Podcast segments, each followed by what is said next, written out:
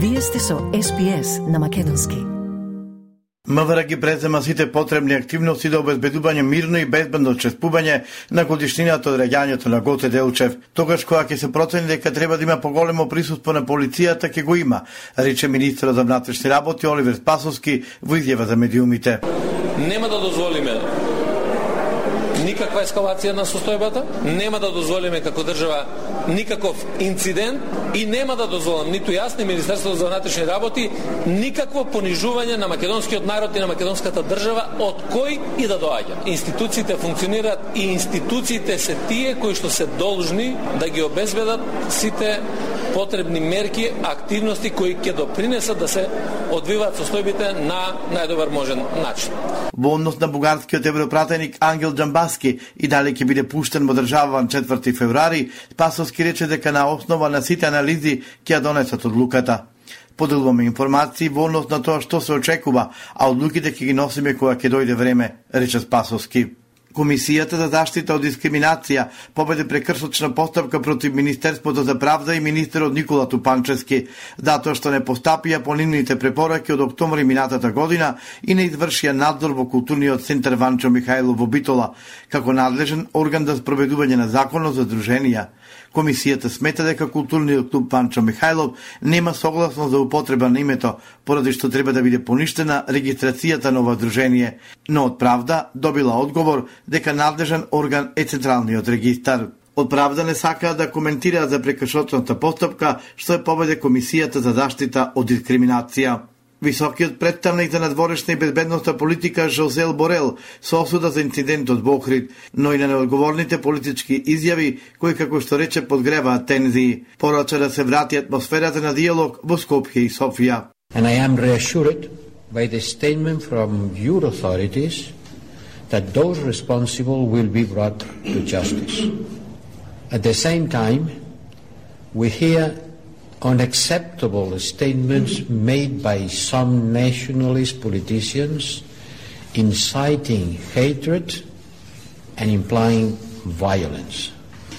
This can only further escalate tensions Бугарски државјанин го тепал Христијан Пендиков, секретарот на бугарскиот клуб Цар Борис III во Охрид. Тоа не е лицето кое е во притвор за тепачката, туку лицето кое се уште во бегство по инцидентот. Телма доби потврда за ова откако завчера пратеникот и поранешен министер Даниел Лорел од партијата продолжуваме по промените на поранешниот бугарски премиер Кирил Петков го изјави тоа во телевизиско интервју при што откри и дека Пендиков е само бугарин по чувство, но без бугарско државјанство. Лидерот на Алијансата за албанците Арбен Таравари и премиерот Димитар Ковачевски два часа разговараа како мнозинството да се зголеми за осум пратеници.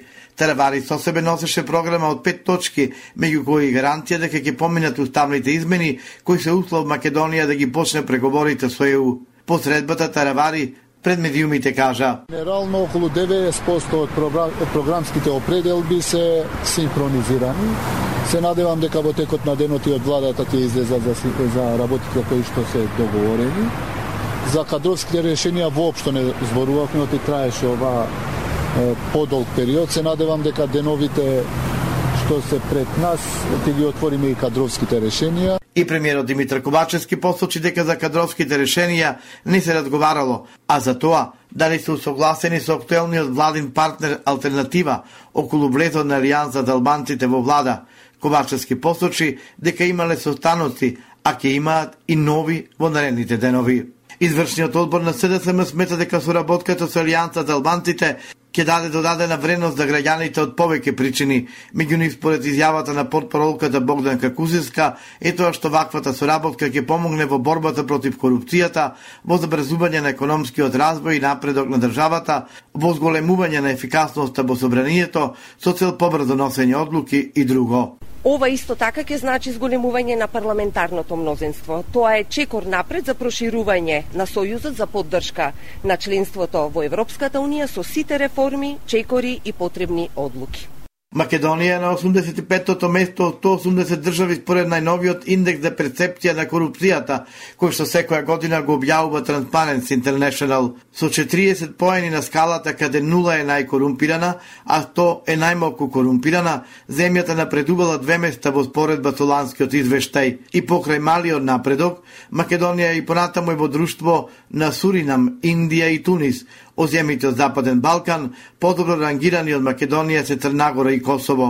Недостигот на интегритет во судството и неефикасното водење на тековните случаи против корупцијата се посочуваат како главни причини. Поред председателката на Transparency International Македонија, Сладјана Тасева, резултатот е загрижувачки и незначително подобрен. Нашиот најголем проблем е што сите овие ситуации прекјутно се поминуваат, не сакаме да расчистиме кој тоа врши влијанија и на кој начин, така да мислам дека сите овие елементи се многу битни кои што кажуваат дека се уште не правиме ништо за да обезбедиме интегритет во работењето на правосудните органи. На партиски собир на Дуи, Артан Груби кажа дека е надмината последната пречка за изградба на коридорот 8 цитирам, Денеска после година и пол италијанската компанија Иреда ја достави банкарската гаранција и го подпиша банкарскиот договор за консултант и надзор за изградба на коридор 8.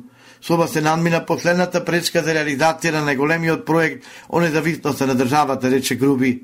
За овој проект се предвидени 300 милиони денари од буџетот за 2023 година. Договорот со Иреда ќе се подпише во четврток, после се отвора патот да се почнат преговорите со Бектеленка.